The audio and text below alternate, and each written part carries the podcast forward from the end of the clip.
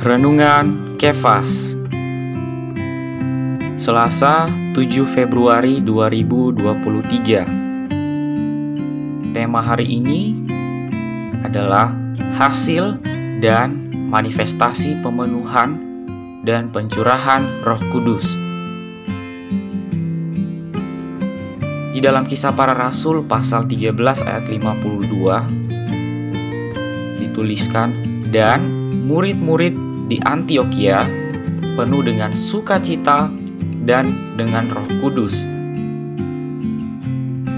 Dalam Perjanjian Baru, hasil dan manifestasi pemenuhan dan pencurahan roh itu hanya tercatat beberapa hal yang ajaib, seperti bahasa lidah, penyembuhan, pekerjaan kuasa, dan meramalkan. Dalam surat kiriman Paulus, dia tidak hanya mendorong orang untuk melatih empat karunia ini di dalam sidang. Sebaliknya, dia berkata di dalam 1 Korintus pasal 14 bahwa jika ada orang yang berbicara bahasa lidah namun tidak ada yang bisa menerjemahkannya, maka orang itu harus diam tertulis di dalam ayat 27 dan 28. Sobat Kefas, ada lima aspek dari memanifestasikan pemenuhan dan pencurahan roh kudus atau pemenuhan esensial. Yang pertama adalah dipenuhi dengan sukacita dan roh kudus bisa kita lihat di dalam kisah para rasul pasal 13 ayat 52. Kita hanya perlu menyeru, "Oh Tuhan Yesus." Dan kita akan menjadi sukacita dan dipenuhi dengan Roh Kudus. Kedua, membicarakan perkataan pujian, pengajaran, dan nasihat. Kata-kata ini sudah ada dalam Alkitab, Mazmur, Kidung, dan nyanyian rohani yang disebutkan di dalam Efesus pasal 5. Yang ketiga, membicarakan kata-kata hikmat, pengetahuan, dan nubuat. Ini semua tertulis di dalam 1 Korintus pasal 12 ayat 7, ayat 8, dan ayatnya yang ke-10 ini adalah berbicara mengenai wahyu tentang Allah dan Kristus, berbicara bagi Allah, dan membicarakan Allah yang mengalir dan menjenuhi kita.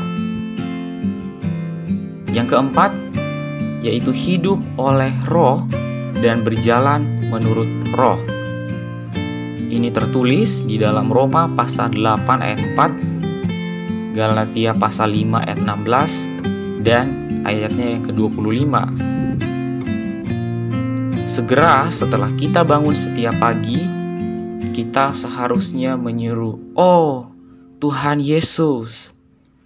Kita harus mempraktekannya sepanjang hari dan secara bertahap kita akan hidup menurut roh itu.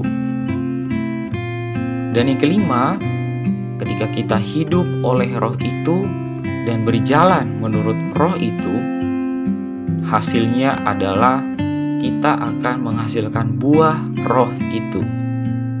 Itu semua tertulis di dalam Galatia pasal 22 sampai 23. Jika kita hidup dengan jalan ini, tentunya kita akan damba persekutuan bersama Terlebih lagi, tidak peduli apakah kita bertemu dengan anggota keluarga atau dengan sejumlah kecil kaum kudus, atau bahkan banyak kaum kudus, persekutuan kita pastilah menjadi hidup dan kaya. Kemudian, dalam aspek ekonomikal atau pencurahan, butir yang paling penting adalah membicarakan firman Allah dengan berani. Ini tertulis di dalam kisah para rasul 4 ayat 8, ayat 31, dan di pasal 13 ayat 9. Selama kita hidup oleh roh, berjalan menurut roh, dan menang, ketika kita datang dalam sidang, secara spontan kita akan membicarakan firman Allah dan bersaksi bagi Tuhan dengan berani. Ini adalah hasil dan manifestasi dari pemenuhan dan pencurahan roh itu. Hari ini kita boleh diterangi bahwa kita adalah orang-orang yang dipenuhi dengan sukacita dari Roh Kudus, membicarakan perkataan pujian, mengajaran, dan nasihat, bahkan membicarakan kata-kata hikmat, pengetahuan, dan nubuat, dan juga hidup oleh roh dan berjalan menurut roh. Kita hidup oleh roh itu dan berjalan menurut roh itu.